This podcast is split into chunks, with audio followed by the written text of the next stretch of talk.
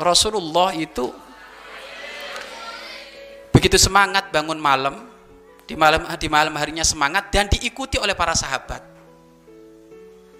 Diikuti oleh para sah para sahabat. Jadi Rasulullah dianjurkan untuk bangun malam dan begitu semangat bangun malam sampai kakinya bengkak dan diikuti oleh para sahabat. Lah Imam Ali Zain Abidin masih kecil masih ngaji kalong lah bukan sampai mondok. Kalau inti kan mondok lebih hebat lagi. Ini ngajinya kalong. Ngaji kalong itu apa? Suri berangkat pulang jam 8 dengar kalimat kayak gitu disampaikan kepada abahnya bah Rasulullah itu punya kebiasaan bangun malam dan diikuti oleh para sahabat.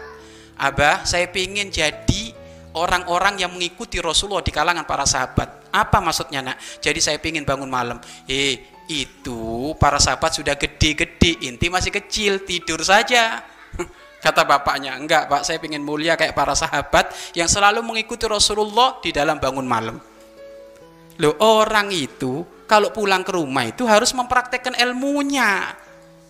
Iya kan? Bukan malah lebih katon, lebih ganas daripada apa kucing keluar dari sangkarnya kalau sudah pulang bebas